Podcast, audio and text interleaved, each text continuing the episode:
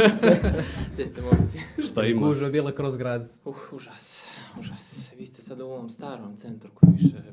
Pa mi ovdje cirkulišemo uglavnom na nogama i onda mnogo nam je lakše. da, da, da.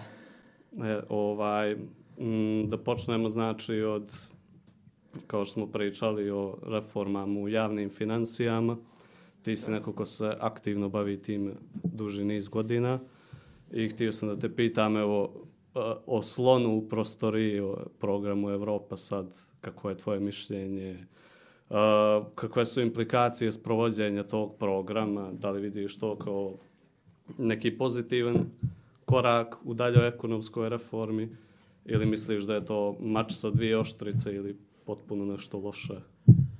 A, pa evo, sad ga već trošimo, ovo je već treći mjesec kako ga trošimo, vjerujem da su ljudi mahom zadovoljni, makar ovi koji su zaposleni. A, međutim, a, čini mi se da ćemo prave posljedice tek a, osjetiti poslije prvog kvartala, u drugoj polovini godine, onda kad krenemo već da se suočavamo sa, sa e, drugom stranom te medalje. Znači, sada imamo samo više novca, a kako godina krene da se odmotava, bit će potrebno da se pronađe novac za sve ono od čega smo oduzeli, jeli, da vidimo kako ćemo finansirati fond zdravstva, kako će se, da li će se moći servisirati penzije na vrijeme, plate, socijalna davanja i sve ostalo, zbog toga što je ovo stvarno jedan ogroman skok. Ovo je jedna a, toliko velika reforma, a, ja mislim da, da, da još uvijek nismo svjesni koliko je daleko sežna, a budžetski možda na prvi pogled ne izgleda toliko značajno, ali je zaista ogromna, jer mi smo sada bukvalno promijenili način na koji finansiramo fond zdravstva. A, a, podigli smo minimalnu zaradu, utvrdili smo jedan neoporezivi dio zarade. Mislim, sve to sad zvuči vjerojatno ljudima a, a, a, možda, možda malo abstraktno. abstraktno, složeno. Ljude uglavnom interesuje koliko oni imaju na računu krajem mjeseca. I to, da. je, i to je ključni problem ovog programa. Pro, problem iz mog gledišta, jer je on a, predstavljen građanima samo sa te pozitivne strane i rečeno im je vi ćete imati više novca ali nije dovoljno objašnjeno to da građanin od tog svog novca plaća i mnoge druge usluge koje ova država pruža, između ostalog i zdravstveno osiguranje. I sve ostalo što, e, sve ostale javne, e, odnosno e, usluge koje država pruža, pruža građanima, što znači da mi nismo stvorili nikakvu novu vrijednost Nismo otkrili naftu, nismo pronašli neko zlato koje sad odjednom prodajemo, nego smo jedan dio novca koji je ranije išao za jednu stvar preusmjerili u džepove građanima, nadajući se a, da će veća potrošnja a, postaći veći PDV, da će se nekim drugim mjerama kao što su akcize, kao što su razne druge reforme u, u sektoru poreske politike, da će se sve to nadoknaditi. Međutim, Uh, kažem, tek ćemo vidjeti i suočiti se sa problemima. Neki od problema vidimo već sada. Neke lokalne samuprave se žale da odjednom imaju manjak prihoda. Uh mhm. -huh.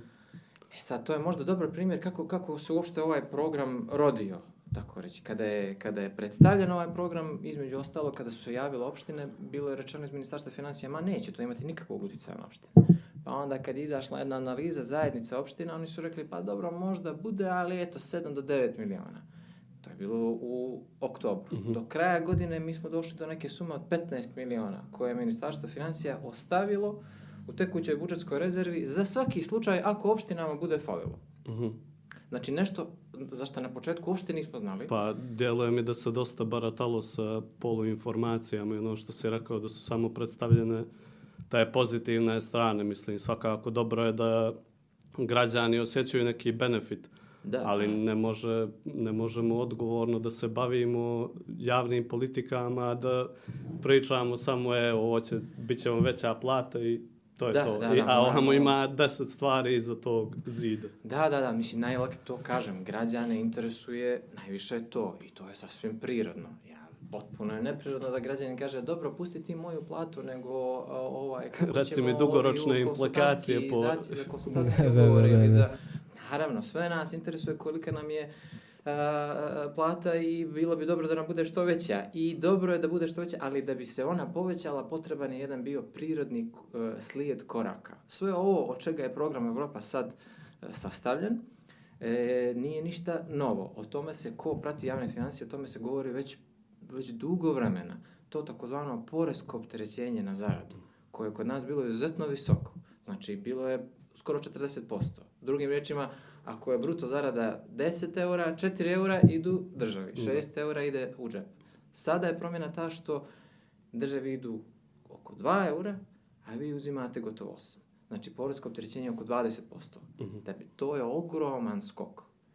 I um, Pogotovo ranije, se govorilo, uh, ranije se govorilo o tome da je neophodno uh, smanjiti to porezko opterećenje, jer ono za sobom povlači niz drugih štetnih posljedica. Građanima se ne isplati odnosno poslodavcima se ne isplati kada imaju tako veliko poresko opterećenje, da nekog imaju e, na puno radno vrijeme, da ga imaju potpuno legalno. Dakle, ako biste te stvari smanjili, onda bi i za poslodavce koji su u Crnoj Gori dominantno u malim i mikropreduzećima, dakle ne, ne govorimo o nekim gigantima velikim, bilo bi im isplativije da imaju uh, ne, radnika, da ga imaju, da, da ne radi na sivo, da ga potpuno, znači legitimno, zakonito prijave, da plaćaju pune poreze i doprinose i onda bi se time što se manje poreze i doprinosa plaća od strane više ljudi, nadoknadio ovaj dio sive ekonomije ili sivog zapošljavanja, zapošljavanja na crno koji je po nekim procjenama bio i do 30%.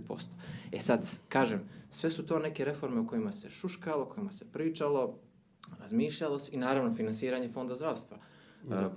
Dugo se vremena govorilo o tome da bi bilo bolje da se ono finansira potpuno, dakle direktno iz, iz budžeta, da se poslodavci zaposleni oslobode, ali gdje naći taj e, to, to što, što smo sada uzeli fondu, što je preko nekim, nekim procjenama 130 miliona, negdje ukupno se uzelo 180, dakle gdje, gdje naći te, taj novac? Mi smo kad se ovaj program objavio, a, prvo bili ljuti zbog, zbog načina na koji je objavljen, a on je, ako se sjećate, bio objavljen na događaju o, ovog tipa. Skupilo se par ljudi s mikrofonima i reklo zdravo, a, mi ćemo da sprovedemo jedan program od januara, će biti to i to.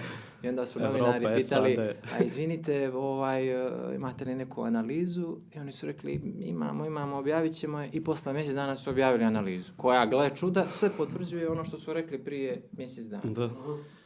E, tako da je zbog nas je taj način, dakle mi ne ulazimo u to, mi u institutu alternativa, mi ne ulazimo u to uh, je li dobro da uh, minimalna zarada bude toliko ili da neoporezivi dio zarade bude 700 eura bruto ili da bude progresivno oporezivanje, to su sve ekonomske teme koje sve imaju za i protiv. Nego samo način kako vi u Crnoj Gori, kako su uopšte u jednom normalnom društvu, provode složene, velike reforme sve ono, vaši ciljevi mogu biti najbolji, ali kada, se, kada je tako daleko sežno, vi ćete neminovno uh, imati neke posljedice koje ne moraju biti dobre. Sad, evo, ja sam pomenuo opštine, sve se više čuju glasovi ljudi koji, kojima je krivo što im je zarada sada izjednačena sa nekim ko nema istu stručnu spremu, nema iste kvalifikacije, nema, a, a, a, to je sada, a, do toga smo došli. Što znači da će ti ljudi kojima je to krivo, pogotovo u sektoru prosvete, se polako buniti, tražiti da njihove zarade rastu. Da. S druge strane imamo i ove zaboravljene kategorije stanovništva jer uh, nekim ljudima, neki ljudi odjednom su se u januaru probudili sa 150-200 eura više, a nekima koji imaju minimalne penzije, koji su nezaposleni, koji su studenti, koji su pripravnici po programu za, za po ovom programu za obuku viso, visokoškolaca. Ovdje. Svima je ostala ista Hoćeš zarada. Zbog platu, toga... Jeli? Ne, ano, manju ako može i kako. zbog toga ti nisi reprezentativan primjer ti, te grupacije, ali dobro, nećemo se da. tvojim primjerom rukovoditi. Pa pomenuo si ovaj... Ili, na primjer, izvinjavam se, dakle, to su samo neke kategorije ili ova činjenica koju sad imamo, ako ljudi imaju više novca, od jednom ogromna grupa ljudi u jednom društvu ima više novca, prirodno je da očekujemo da na neki način rastu i cijene.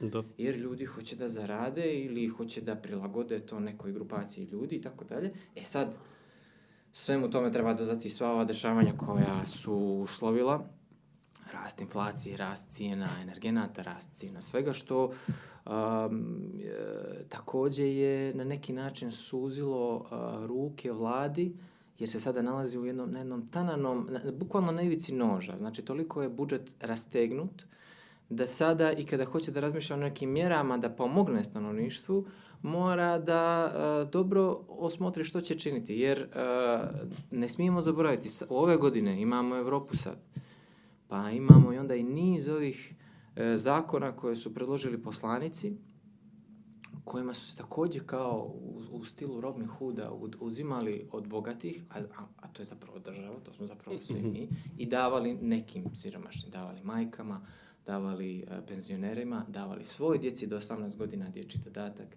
davali e, primanja nekim radnicima u određenim sektorima industrije u obliku penzija, otpremnina i tako dalje. I dakle, mi imamo jedan udar, a ti zakoni su uglavnom predloženi od strane poslanika.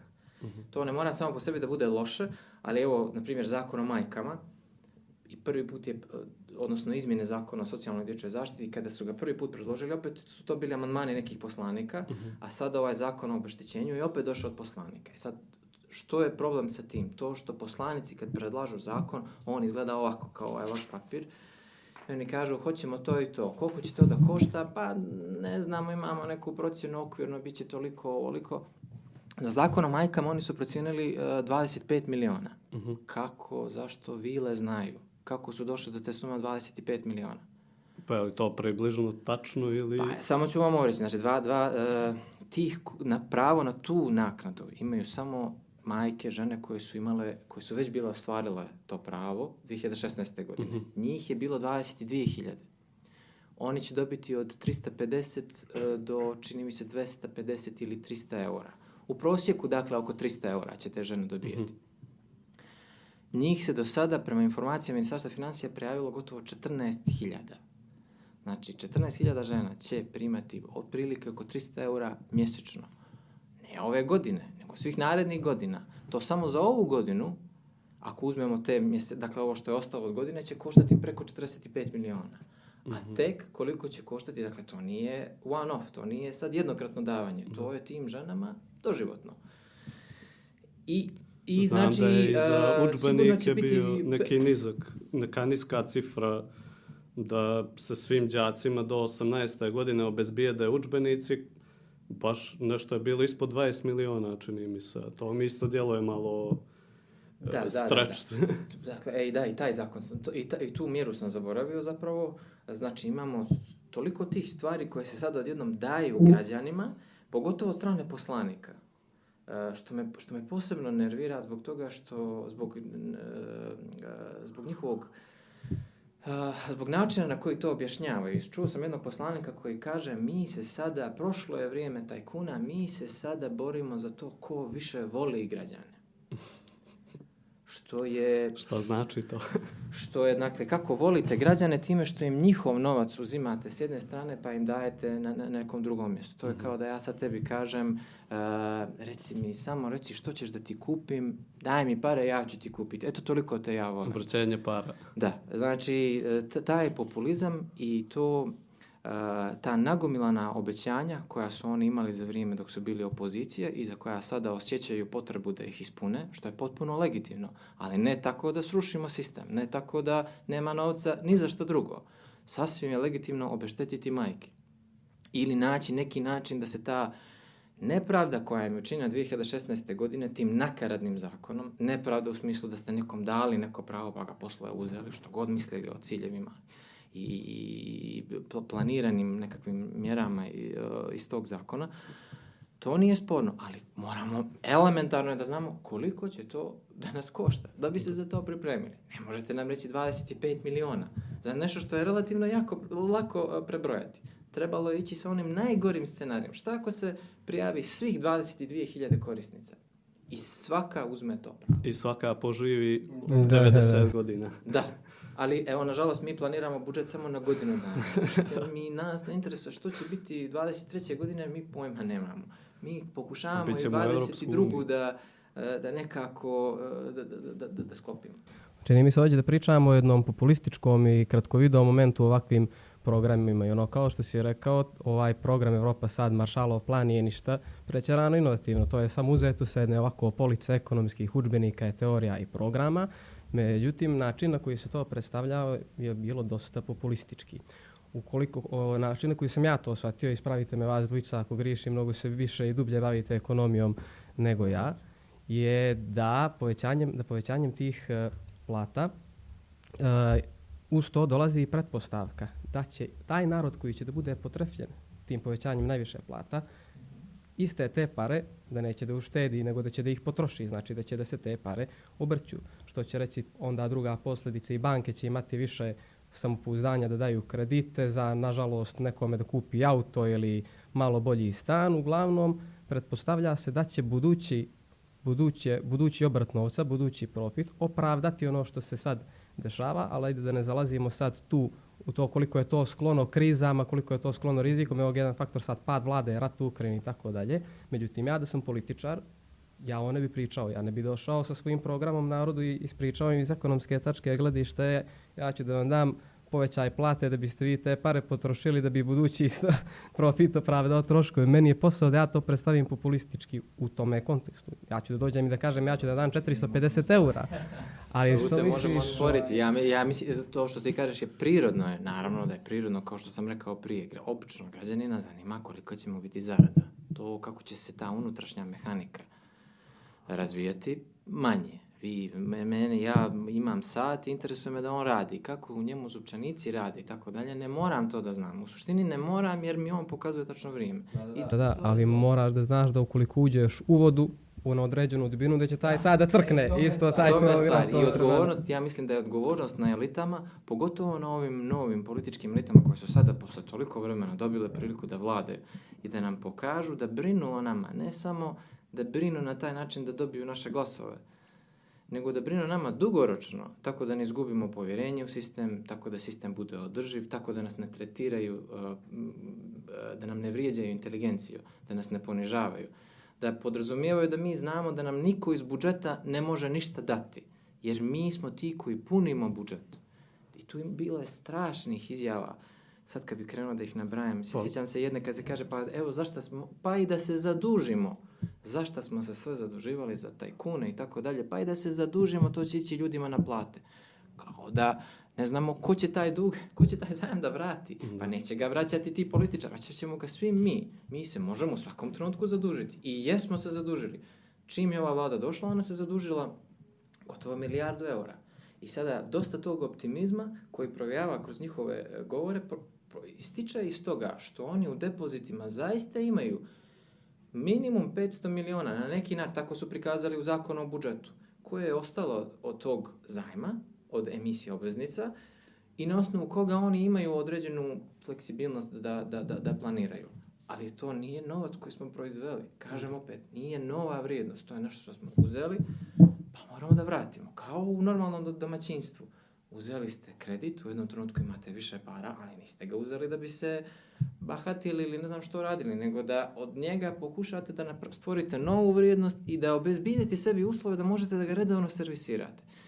E, ja se slažem, dakle, građani ne moraju da znaju sve ovo, ali političke elite, kažem, ne smiju da nas ponižavaju. Meni je kod tog programa, e, njegova okosnica inače nije samo u tome da se računa da ćemo ljudima više novca, pa će oni više da troše, pa će PDV biti veći i tako dalje i stimulisaće privredu, nego i na nizu mjera koje su zamišljene tako da e, e, e da na neki način uh, ob, uh, popune tu rupu u budžetu koja se stvorila. Od smanjenja sive ekonomije A, do zakona o, novog zakona o igrama na sreću koji je sa, sada u proceduri, do, sjećate se onog zakona o porezivanju, uh, porezu na podizanje gotovine, onda ima dosta nekih drugih poreskih reformi, akcize su također htjeli da promijene, ali to im, na primjer, poslanici nisu, nisu dozvolili, dakle da se povećaju akcize na određene a, a, a, proizvode, ali sve to kada gledate program i kada gledate s jedne strane, ne znam koliko ljudi uopšte pročitalo tu analizu, nije velika, ima 20 stranica, ali s jedne strane imate te koristi od programa Evropa sada, progresivno porezivanje podizanje minimalne zarade e, i tako dalje, a s druge strane kaže se ovim ćemo stvariti minus, a evo kako ćemo ga nadoknaditi. I onda su sve te mjere. Mm -hmm. Tipa, suzbijanje sive ekonomije, ne znam, 10 miliona. em, igre na sreću 20 miliona i tako dalje, i tako dalje. A sve su te sume dosta okrugle i meni je uvijek bilo pitanje kako, kako su došli do tih e, procjena. Kada, Da. kada ih pita, Možda su iz Monstata pogledali. kada je, ako je Monstat, onda, onda, mi, onda, onda je sve jasno. Ali evo, na primjer, primjer Monstata. Kako kome treba, kako se promijeni rukovodstvo, tako se promijene neki podaci. E Da. tako su oni predložili ovaj program, posle mjesec dana, nakon što su ga predložili, odnosno objavili, obznanili narodu, došli su sa analizom koja, gle čuda, sve to potvrđuje. I ključna je stvar bila da li su te brojke e, tačne. Jer ako nisu tačne, onda ćemo biti u velikom problemu. A šta znači taj veliki problem? To znači da ćemo biti u, u, u, u potrebi da se dodatno zadužimo. Država je inače planirala za, za ovu godinu da se zaduži gotovo milijardu i pol. Da, to Znači, e, tako je bilo originalno. Mhm. A od toga podrazumijevalo se da će tih oko 900 miliona ići na neku vrstu refinansiranja autoputa, kredite za autoput, a ostatak će biti za eventualno, e, k- oni to kažu, da se pripremimo za 23. godinu. Međutim, poslanici su im prvo ukinuli potpuno da se išta mogu zaduživati, što je također bilo loše i ponižavanje vlade, a onda su im rekli, ok, pošto smo, nismo vam dali akcize, neka bude evo 70 miliona da se možete zadužiti. Znači, mi se ove godine možemo zadužiti do 70 miliona ako, ako se ne promijeni budžet, a kako će to, da li ćemo uspjeti da izdržimo sve ove fiskalne a, napade, a, to, to, to ne znam. A sa druge strane, dakle da ne, bude, da ne pričamo samo o tehnici i o budžetu gdje ima više, gdje ima manje, veliko je pitanje je li, jesu li sve te reforme dobro promišljene. Pitanje, na primjer, dječjih dodataka. Je li baš svakom djetetu neophodno tih 30 eura? Zar ne, bi, zar ne bi bilo bolje da smo imali dobre evidencije, pa da znamo kome treba, kome zaista treba, pa da to dijete ne dobije 30, nego da dobije 150 eura mjesečno. Jer njemu zaista treba. Da. A ne neko dijete koje e, će to iskoristiti za ne znam što ili koje, ko- kome to uopšte ne- znači ništa. Tako da su mnogi od ovih reformi koje su sprođene ove godine i od strane vlade i od strane pogotovo poslanika imale tu dozu populizma i meni se nisu svidjele, a evo ne, neću da budem sad da ja predskazujem nešto katastrofalno što će se desiti ove godine, ali je samo važno da pratimo što se dešava, da pratimo kako se puni budžet, da pratimo kako se a, isplaćuje, a, kako se finansira fond zdravstva, fond PIO i da na vrijeme možemo da nekako predoprijedimo te probleme i da A, ovaj, evo, što pratimo, što se, što se dešava u suštini u, pret, u pretpostavci e, smanjenja sive ekonomije tu je da, na primjer, Nikola drži restoran, ja i ti radimo za njega, on osigurava samo mene i radimo ja i ti na onu, onaj badge Danilo da to više neće biti moguće. Ono što masovno čujem da se radi u Crnoj Gori sad s ovim je da je on sad smislio način da to sredi. Danilo, davaću ti 450 eura platu, ali da mi vratiš 150 A, dobro, pa i Onda to što se 30.000 pojavljuje, manje. Da, da, 30.000 ljudi manje Monstatovim evidencijama, kao manje zaposlenih. Broj penzionera sad više i ne znam koliko je to, vjerovatno jednako koliko i broj zaposlenih, što je jedna velika opasnost. E, Ja ne znam sad tačno, tačno cifru, su ali uglavnom. svakako uh, se, se fo- fond PIO tu nema nikakve dileme. U, u idealnom svijetu bi ljudi koji rade trebalo da mogu da finansiraju ljudi koji su penzioneri. Kod nas to već godinama nije slučaj. Gotovo 30%, ako ne i više, fonda PIO mora da se nadoknađuje iz, znači ne iz doprinosa, iz, naš, iz onoga što mi plaćamo, nego iz drugih izvora, preusmjeravanjem, zaduživanjem i tako A dalje. opet pola penzionera prima minimalnu penziju. E pa sad ta, pa i, to će biti Opet problem. to je od, od diskutabilno. septembra će se ta minimalna e, penzija također povećati, ako, ako, ako se dobro sjećam e, tog zakona. Mhm. I opet će to biti ogroman udar za, za fond PIO. Jer mi nije da smo mi došli iz neke situacije gdje smo imali višak u budžetu, pa rekli što ćemo sa ovim parama, su nas žuljale, pa smo govorili, Da, da. ne znamo što ćemo, ajde da damo penzionerima. Nego smo bili u manjku, mi smo svake godine u manjku. Mi se svake godine zadužujemo Snalazimo značajan se, to dio budžeta. I onda smo ove godine odlučili da, ajde, sad evo imamo para za, za, za, za to. Tako da to je sve... um, um, a, a šta je bilo, evo da ne bude da samo kritikujem, što je, što je moglo da bude alternativa ovom načinu? Kako bi, na primjer, neki eksperti, kako ih ja zamišljam, stručnjaci, kako bi ovome pristupili? Kao na primjer Milojko Spajić i Jakov Milatović. ne, ne mislim, znači stručnjaci i eksperti koji nemaju političku partiju, koji, kojim nije cilj da se svide građanima, kojim nije cilj da dobiju glasove, ne interesuju ih izbori, oni su tu da odrade nešto, pa kako god. Uh, takvi eksperti bi rekli hoćemo ove ciljeve, hoćemo da povećamo zarade, hoćemo da uh, smanjimo poresko opterećenje, ali da ne urušimo budžet. Ajde da idemo postupno, ajde da idemo fazno, ajde da prvo napravimo detaljnu analizu jedne od tih mjera, ajde da neka 22. godina bude probna godina za određeni dio te reforme. Ajde da prvo vidimo da li ovo što mislimo da će nam donijeti više prihoda, ajde da vidimo da li to funkcioniše da reformišemo poresku upravu, upravu prihoda i carina, da je u stanju i da suzbije sivu ekonomiju i da ubere e, više prihoda, da smanji poreski dug i tako dalje. Međutim, mm, ništa toga nije, bio, nije bilo urađeno, nego smo odjednom uradili nešto što niti je bilo u ekspozeu premijera, niti je bilo najavljeno u planu Ministarstva financija i Da. ekonomije, niti je bilo u godišnjem planu rada vlade, niti ja mislim da je i jedan ministar, sem njih dvojice, za to znao u septembru. Pa da, se to mi je čudno bilo. Nije, nikad u ekspozeu, na to mi uopšte, nije mi uopšte palo na pamet da nikad u ekspozeu nije bilo Ne, E, ljudi, od početka 22. godine mi ćemo, vlada će da počne sa sprovođenjem programa Evropa sad, sem koji onih će opštih tako i tako. fraza, poboljšat ćemo standard i tako Da, ali niko da nije znači očekivao bilo da će odjednom pro, ova minimalna zarada da bude podignuta sa 250 na 450 eura. To Da. niko nije najavio. A i same preporuke MMF-a, kad je najavljen ovaj program, su bile normalno da se on sprovodi fazno, jer crnogorska ekonomija je ovako dosta ranjiva, što si rekao, mi smo non stop u nekom minusu, zadužujemo se, vrlo je, vrlo je niska proizvodnja i kako održati uopšte sistem na takav način. Evo sad imamo, umjesto da taj program suzbija sivu ekonomiju, on je dalje raspiruje, bukvalno. Ne znam koliko će dugoročno biti.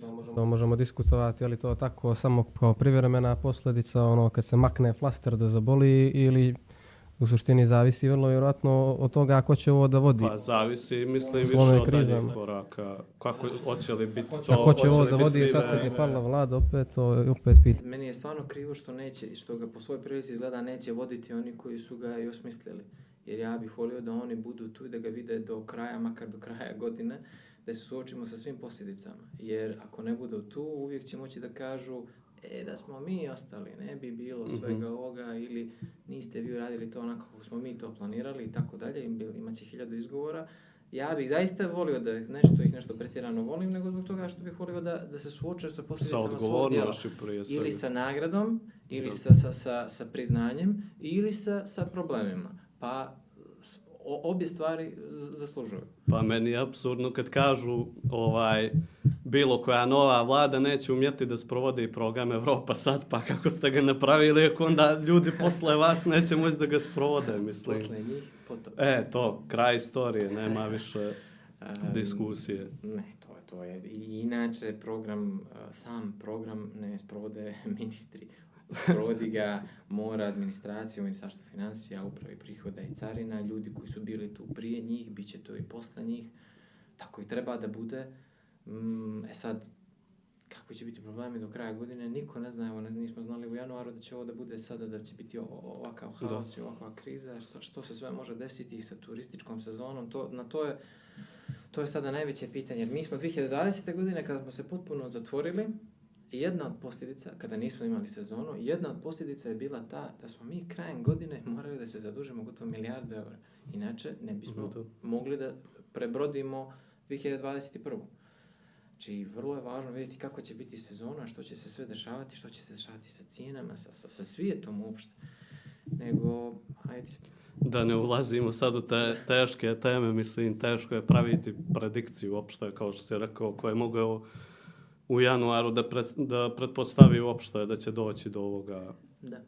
do čega je došlo sad, mislim, evo i kod nas posebno jedan specifičan politički moment, politički kontekst, pad vlade, razne spekulacije, baš ono ve- veliki broj faktora koji mogu da utiču na, na buduća kretanja, da je malo baš nezahvalno praviti te predikcije sad. Nezahvalno, ali tu smo gdje smo sada imamo program, imamo taj program, imamo mnoge zakone koji će odjednom početi da se sprovode. To je kao uh, jedna lavina koja se odmotava. Počeli smo sa Evropom sad, pa će nas onda dočekati majke, pa čini mi se u maju, pa onda imamo rast penzija, pa dodaci univerzalni i tako dalje. Tako da do kraja godine će biti vrlo izazovno. Uh, I zato kažem, važno je da imamo, da imamo makar parlament, da imamo makar skupštinu koja prati budžet, da prati kako se izvršava, jer dosta, se, dosta je propagande i u načinu na koji se priča o, na primjer, sada na mjesečnom nivou, se govori o uh, rastu ovih prihoda, rastu onih i tako dalje. Treba nam, mm, iz tog razloga je možda dobro da dođu neki novi ljudi koji će sve to sagledati novim očima i malo dati nam drugačiju statistiku i malo ako, uh, uh, pogledati, uvijek je dobro da uh, jedan isti posao, zato je dobra smjenjivost vlasti, da, da neko pogleda što je radio prethodnik i da ga pogleda drugim očima, objektivnim i da možda nešto što je ovaj do tada prećutkivo, da ga da ukaže na to i da taj problem riješi. Možda je to, je to jedini razlog zbog koga je dobro što, što će možda neko drugi voditi ovaj program i ova ministarstva. Ali svakako će biti uh, izazovno, a u, bit će izazovno uvijek dok imamo između ostalog poslanike koji se takmiče u tome ko će uh, uh, više da voli građane, kao što sam rekao prije, uh, i koji na tak, tako neodgovoran način na populistički način se bave ozbiljnim stvarima, jer to nije samo stvar, rekao sam, budžetskog uticaja, nego ukupnog, društvenog uticaja određenih reformi. Pa čak i, pa pričamo o zakonu o majkama, to je dobar primjer kako se e, sprovela mjera koja ni na koji način ne može da postigne njene ciljeve koji su e, proklamovani. Ali je Ni na koji način. Ali, između ostalog, imala je budžetsku posljedicu, sada, sada je ona postala stvarno, sada moramo da rješavamo problem. Ali, uh, to je problem sa tom zakonodavnom inicijativom parlamenta, ali kažem, nije ni vlada tu mnogo bolja. Vlada je, vlada je ta koja je predložila program Evropa sada, bez konsultacija, bez analiza, bez uh, temeljnog osvrta na sve moguće posljedice koje mogu da se dese. Uh, tako da, uh, tu je nešto, tu nešto ne štima uh, u samom ciklusu javnih politika. Kako donosimo javne politike, kako pratimo njihov uticaj i kako mjerimo kakav će njihov uticaj biti. Nikad ne možemo definitivno 100% odmjeriti kako će nešto, kakve će nešto posljedice imati, pogotovo kad se tiče tako mnogo stvari, kao na primjer Evropa, program Evropa sada. Ali možemo makar imati razumnu uvjerenost da smo radili sve što je od nas da predvidimo pozitivne i negativne posljedice onda kada od reformi pravite izborni program, onda vas ove negativne posljedice ne interesuju. Onda hoćete da utišate glas kritike. Onda hoćete Tako da utišate uh, eksperte. Ja sam čuo da je jedan od ministara na, jednom, na jednoj preskonferenciji rekao novinarima, vi kad god ne znate što ćete, vi pitate, a gdje vam je analiza? To je rekao jedan od uh, članova ekspertske vlade. Da, da, da. Rekao sam malo sa gađenjem i rekao, te vaše analize.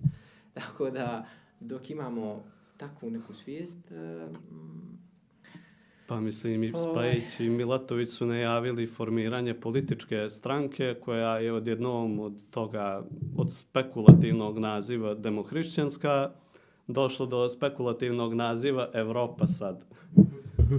Ako ovaj, postoji tema na ovaj podcast koji se sa svakom, svakim gostom vraća kroz koju pokušavamo da prođemo, to je kako razložiti ili prodrijeti taj neki populistički narativ, taj narativ koji polarizuje, koji oversimplifikuje stvari. Pomenuo si, znači pomenuli smo prvo političare koji na populistički način predstavljaju svoje programe. Onda si pomenuo određene eksperte, eksperti, to da napomenem, eksperte koji nemaju političke interese, koji bi davali tako neke preporuke, analize, realno predstavljali stvari, ali zar ne izgleda to kao prvi korak. Eto, odradili smo to, pa šta sad? To ako se ne, ne upakuje, ne sažvaće građaninu, ne, ne, ako se ne upakuje u zalogaj koji je građaninu, koji on može da proguta od stotinu puta, stotinu puta će da pobidi populistički narativ. Je li to možda, posao, misliš o tome, baš me interesuje, je li to možda posao koji NVO sektor treba da preuzme na sebe, da ne bude onaj da ne bude sektor koji, koji stoji, vrši analize i govori političarima vi ne radite dobro svoj posao, budite idealni, budite bolji.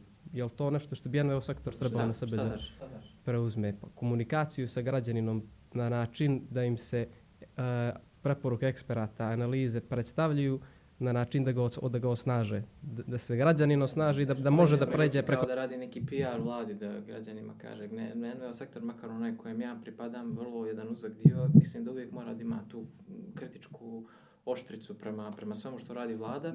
Nisam mislio da se ta kritička oštrica, da se ta kritička oštrica izgubi, baš naprotiv da se da se da ona tu ostane međutim da je da ono što su njeni rezultati ne budu samo taksativno nabrajanje šta ne valja i šta bi trebalo da se radi u idealnom svijetu ili, ili u utopiji.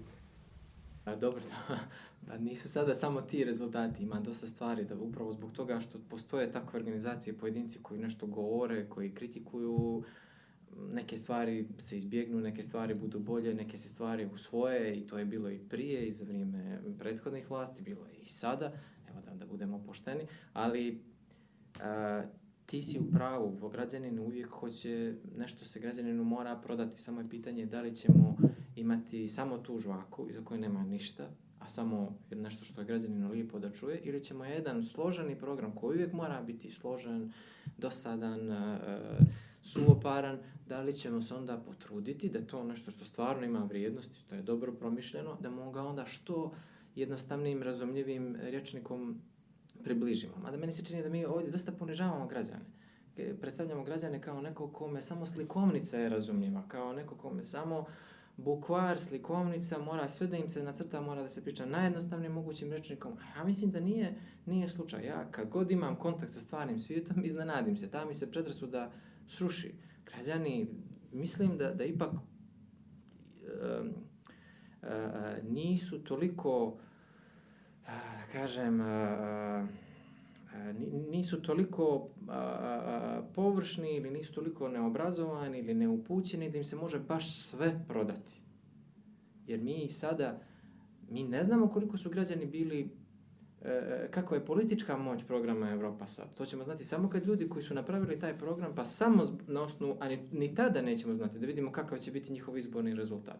Jer se građani neće zbog toga odlučivati za, za njih Biće tu hiljadu drugih pitanja. Neko možda misli, a da vidimo kako će se izjasniti oko ovoga u Ukrajini. Na osnovu toga će se upredijeliti, neće samo na osnovu ovoga. Tako da je vrlo teško mjeriti zbog čega građanin za nekoga glasa ili kome daje podršku ili na koji način podržava neki program. Kod ovog programa je bilo bio ta, ta, ta je bila kvaka je predstavljena na taj način, ja ću reći gotovo maestralno, na način da li, da li ste vi, kao jedno pojednostavljeno pitanje, da li ste vi za povećanje plata ili ne? I onda su i poslanici opozicije bili uhvaćeni i pravdali su se građanima, e, govorili pa mi, ne, mi jesmo za ovo, mi ne, bi, mi ne bismo da glasamo za, protiv, mi samo mislimo da treba da se to bolje obrazloži i tako dalje. A u suštini se radi o mnogo složenije, mnogo, mnogo, mnogo a, sveobuhvatnijem problemu koji treba da se riješi, o, o, na, o mjerama koje treba da se sprovedu.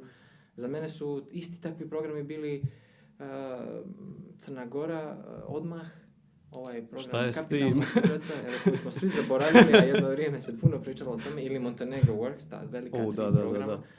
koja su sva ista u tom smislu da ih prati nedostatak analiza, nedostatak konsultacija i nedostatak um, čini mi se dobre volje da se stvari stvarno reformišu. Da. Crna Gora odmah je, na primjer, taj zbir kapitalnih projekata koji smo sad već zaboravili, sad bi već trebalo da znamo, sad bi već Crna Gora trebalo da bude jedno ogromno gradilište, jer imamo preko 300 projekata, više nego ikada u istoriji. Na svakom ćošku bi trebalo nešto da se gradi, da država gradi, ili da makar priprema tendere i tako dalje. A u suštini nam nije trebalo više gradilišta. Trebalo je da završimo ovo što smo započeli i da bolje i temeljnije planiramo nova gradilišta, da nam ona ne prevaziđu planirane troškove, planirane rokove izgradnje, nego da sa to malo novca što imamo za neku kapitalnu izgradnju, da finansiramo bolje projekte.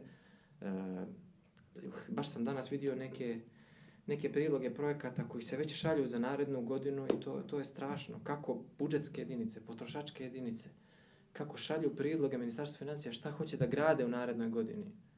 zgrade, ne znam, renovacije i tako dalje. To je bukvalno jedan obrazac u kome, u kome oni od deset pitanja odgovore na dva. Uglavnom popune naziv projekta i nešto neku vezu sa strateškim dokumentom, bez studija, bez analize, bez ičega. Ili Montenegro Works, koji je isto, isto ovo što je Europa sad, što je Crna Gora odmah, ali u svijetu javnih preduzeća, koja su također ogroman problem Crne Gore. I Da. umjesto sistemskog rješenja, umjesto e, dalekosežnih reformi, mi imamo jedan pristup koji kaže ne, formirat ćemo jedno preduzeće koje će da upravlja svima. Kao u gospodaru prstenova. One ring to rule them all. Da, da, da. Znači, neko ko će sada se pitati, pošto oni ne znaju, oni će se pitati umjesto njih. Ali mi nemamo zakonski okvir za to. Nema veze da mi prvo formiramo preduzeće, pa ćemo onda naredne godine... Pa ćemo se dogovoriti kako pa ćemo ga legalizovati. I tako dalje, i tako dalje. E, nije, sa druge strane, nije, nije loše što imamo e, neko razmišljanje van konteksta, van, jer ljudi koji evo i ja isti koji se bavim istim stvarima iz godine u godinu, postanete učmali, postanete, stvorite neke granice i onda dođe neko novi i kaže, a zašto to ne biste radili ovako? To neka može bude divno i, i, da bude originalno, ali tom nekom, neko mora da kaže, mi imamo određene procedure, kada se predlaže neka, neki zakon, neka velika reforma, mi moramo da prvo da vidimo je li da konsultujemo ljude koji znaju da napravimo analizu, pa da vidimo šta je najbolji način da se taj problem riješi. To neka može biti zakon, može, može biti nova institucija, može biti neka strategija, mjera i tako dalje. A, tako da, a, Ovaj, nisam, nisam imao namjeru da unizim građanina s ovim, nego ajde da pođem od sebe. Ono što sam htio da kažem, kad ja, postoji jedna definicija da je NVO sektor, to je četvrta generacija, četvrta generacija NVO sektora, da je njihova svrha mobilisanje građana, mobilisanje građanstva na društvenu promjenu. Samim tim i ovaj jedna moćna tehnika za to su masovni mediji, su novi mediji. Ja kad listam Facebook kad ne iđem na hoćeš li veću platu ili ne, ja ću to da pogledam, ali kad ne iđem, pa čak i sad kad radim u NVO sektoru, kad ne iđem na, na sponzorisa, sponzorisanu reklamu ili bilo što što mi izašlo od neke NVO organizacije sa ekonomskim, pravno-administrativnim rečnikom, ja to scrollam, ja gledam dolje što mi je bivša djevojka izbačila koju pjesmu. Znači, ja, tako ja- prema svom poslu? to je ne... To je u tebi, u tebi je problem. dobro, sad se trudim se, sad trudim se sad da da se promijenim. bilo.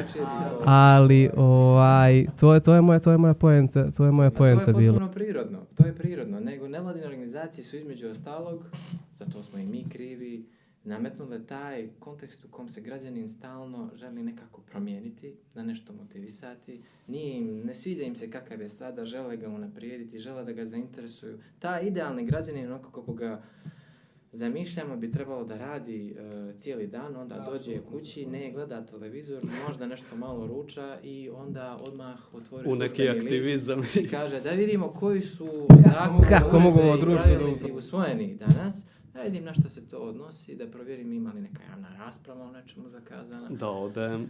A, dragi, hoćemo li u pozorište? Ne imamo javnu raspravu o Dupu, Podgorica, ja moram tu da se uključim i tako da je to. Mislim, ko, ko normalan razmišlja na taj način? Ljudi su prije svega motivisani svojim interesom. I e, idealna je stvar kada se poklopi interes građanina sa njegovim znanjem i konstruktivnom željom da, da u nekoj javnoj politici doprinese. Isto kao što vas možda ne interesuje detaljni urbanistički plan ne znam, Andrijevice, ali vaše kvarta, dijelo u kom vi živite, vas više interesuje i više, veća vam je motivacija da se uključite i da kažete pa neću baš tu zgradu, ometa mi pogled na, ne znam, na park ili hoću igralište i tako dalje. Znači mora se pronaći način da se od građanina ne traži da bude zainteresovan za sve, uključen za sve, ali da mu se na neki način ukaže da kad je nešto od njegovog interesa, kad je nešto vezano za neke njegove interese, uske i bliske, da bi trebalo da bude makar informisan o tome. E, ja mislim da su građani, mi stalno smo govorili o tome da treba da budu više finansijski pispeni, da ih upoznamo više sa, sa budžetom. Um, I u tom smislu čini mi se da se ove godine, odnosno prošle godine, da se desio jedan, jedan skok. Jer zbog svega što se desilo, zbog promjene vlasti, zbog uh, privremenog finansiranja, zbog toga što, zbog opozicije koja je sada bila više zainteresovana da kontroliše budžet i Da. zbog uh, i pozicije koja isto htjela da ga kontroliše i da vidi na, na šta se troši, kako je planiran, imali smo, čini mi se, nikad više interesovanja za to koliko je planirano za ugovore o dijelu, konsultantske izdatke, kako na reprezentaciju i tako dalje. Mi smo gledali, e, mi imamo sajt Moj novac gdje pokušavamo da građanima predstavimo državni budžet na malo jednostavniji način i neke osnovne stavke i nikad više nije bilo interesovanja Mhm. za taj sajt. Znači, mi ga imamo je već dosta godina. Kada gledate one grafikone na Google Analytics, to je nevjerovatno. Zbog toga što odjednom su ljudi, dobro, to je i naša zasluga, mi smo ga malo po- poboljšali, imamo neke nove komponente. Sad ja Posjetite reklamiram. mojnovac.com. O, moram malo samo ovdje da bude to dobro, moj novac. E, hvala. Da, da ćemo. Znači, tu adresu posjetite. I, uh, uh, a- ali je objektivno desilo se to da zbog promjene odnosa snaga odjednom su svi više zainteresovani da na neki način kontrolišu vladu. Budžet je važno i, zahvalno sredstvo za takvu kontrolu. I sada smo imali u prošle godine ljude koji nas pitaju kako da ja pošaljem zahtjev za slobodan pristup informacijama da vidim, ne znam, ugovore o dijelu u jednom ministarstvu. Hoću da vidim ko ih je tačno primio, ko je tačno dobio pare i tako dalje. To ranije gotovo gotovo nikada se nije dešavalo. Mi smo bili ti koji smo uglavnom, mi, kažem, e, moje organizacije i par ostalih koji su se nekako u ime građana, u ime građana interesovali za to. Ja to kažem na neki način, postavljam to kao predstavnička funkcija. Znači, neki građanin možda može da bude spokojan zbog toga što zna da postoji neki dinamičan civilni sektor, mediji, nevladine organizacije, koji ipak neće pustiti da sve prođe ba, baš tako. A, ni staroj vladi, ni novoj, pogotovo ne novoj. E, tako da, ali, ali sada neko veliko maltretiranje, maltretiranje građana, ko, kome su i mediji i nevladine organizacije sklone, mm, ja, ja nisam za to. Ne volim da mene iko maltretira, pa ne volim ni ja. Ja Ali bih je- izmaltretirao građane s jednim podatkom, ovo kad si baš pomenuo, da smo počeli više, eto, da se bavimo ekonomijom, da se bavimo tim uh, pravnim procedurama i tako dalje, pojavio se, to jest nije se pojavio, to je nešto što izlazi svake godine Heritage fondacije, ovaj, oni rade analizu indeksa ekonomskih sloboda. Crna Gora je na toj listi bukvalno samo iznad uh, u Evropi, iznad Ukrajine, Turske i Rusije. ono, znači, baš mu u jednom divnom... Čudna kombinacija u ču- ovom sada kontekstu u kojem pričamo, ali dobro. da, ovaj, pa pogotovo u današnjem Da. kontekstu, ali evo, toliko je, mislim, toliko je bilo priča dok je DPS bio na vlasti, kad je počeo projekat autoputa, Crna Gora je ekonomski tigar, onda sad imamo novi talas ovaj, ekonomskih reformi i Ekonomskih tigrova. ekonomskih tigrova koji nam govore o nekoj prosperitetnoj budućnosti, kako će zarade da nam rastu. Mislim, eto, ta, te nezavisne analize pokazuju da realna situacija u državi nije takva, plus i raspodjela bogatstva je izuzetno neravnomjerna, to je baš iskočilo od 2013. 14. malo koincidira s autoputem, ali eto da, da, da ne pričam svašta. Ovaj, misliš li da postoji šansa za, u narednih, evo, ajde neki dugoročni period, dosta smo ovako pričali, možda malo pesimistički, malo negativno, ali misliš li da postoji neka šansa za pozitivnije reforme, za možda otvaranje novih radnih mjesta koji će opet moći da poguraju privredu, da ona sama po sebi održava tu minimalnu zaradu od 450 eura i da ona u daljem raste. Vidiš li tu šansu? Možemo li se mi pozicionirati kao atraktivna destinacija za investicije s obzirom da nam je porezna dobit pravnih preduzeća 9%, što je ono e, samo Bugarska mislim da ima jednak porez, niko nema niži, samo jednak porez na dobit ovaj pravnih preduzeća. Ono, mislim, to se kao i investitori već da to percipiraju kao e, ne plaćam konkretno porez na dobit, ali ću da platim reket ovamo ljudima koji, koji će da mi obezbijede tu investiciju. Pa da, pri, taj priljev stranih direktnih investicija, to je ono što, na čemu je počivala naša ekonomija dugi niz godina i onda kada to počne da uh, neki način fluktuira, da, da, se, da se mijenja, onda mi u, često zapadamo u probleme. A sad smo ušli u taj investicioni ciklus oko autoputa, autoput ne može stajati sam, moramo ići u odnosno ova dionica moramo izgraditi e, i ostale, tako da e, ne, ne znam, ne znam, nisam pametan za to pitanje, ne, zaista ne znam. Ja se samo nadam da ovo što se dešava na političkom nivou, ja ipak mislim da će biti ljekovito, jer mislim da e, jer mislim da e, je prethodna situacija bila previše loša, učmala, netransparentna i m, zaista mi je drago što je došlo do promjene, bez obzira na to što me i novi nerviraju gotovo isto kao i prethodni, ali je dobro da se stvari mijenjaju i dobro je da um, kao što sam rekao prije, druge oči pogledaju ovo što su, što su prethodnici radili i da nekako se taj nivo odgovornosti, da neko, da neko uvijek zna ko radi u upravi, da zna da će jednog dana doći neko novi ko će vidjeti što je radio i da može krivično ili bilo kako drugo odgovarati za to što sada radi. A što se tiče ekonomskog razvoja, zaista ne znam. Zaista ne znam i to je pre, prevelika tema. Ja se samo nadam da ćemo biti u situaciji da onima u našem društvu kojima najviše potrebno pomognemo više. Zbog toga sam vam pričao o dječjem dodatku. Siromaštvo je ogroman problem u Crnoj Gori Da. i ovo postoji ogroman prostor da se sredstva koja već dajemo, a ne daje se malo, za transfer za socijalnu zaštitu, mjeri se stotinama miliona godišnje, Mhm. ne daje se malo, tako da je bil, dobro bi bilo da znamo bolje kome je to najpotrebnije. Tako da i sa ovim sredstvima koje već imamo, da im možemo više pomoći. Mi smo, ja sam zapanjen kada vidim kako se rasipa novac i kako se mimo svih kriterijuma i mimo bilo kakvog, bilo kakve pažnje, nadzora da dijeli šakom i kapom a, iz države, iz tekuće budžetske rezerve, iz državnih preduzeća, dok istovremeno sistem socijalne zaštite, i to vidimo, vidimo da ljudi, da, da do ljudi kojima je to zaista potrebno, koji od toga žive i koji se u to uzdaju, da imaju nedovoljno.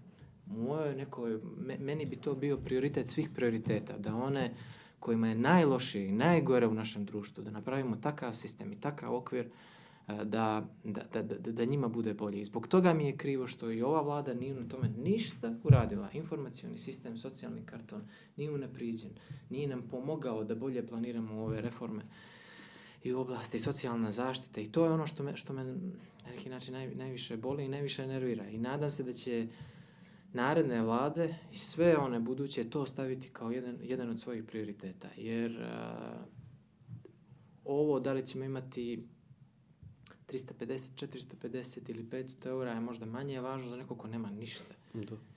Tako da je, e, to, to, je, to, to je za mene glavni problem. Samo da vam se zahvalim jer E. e, je ovo prvi podcast na kojem e, učestvujem.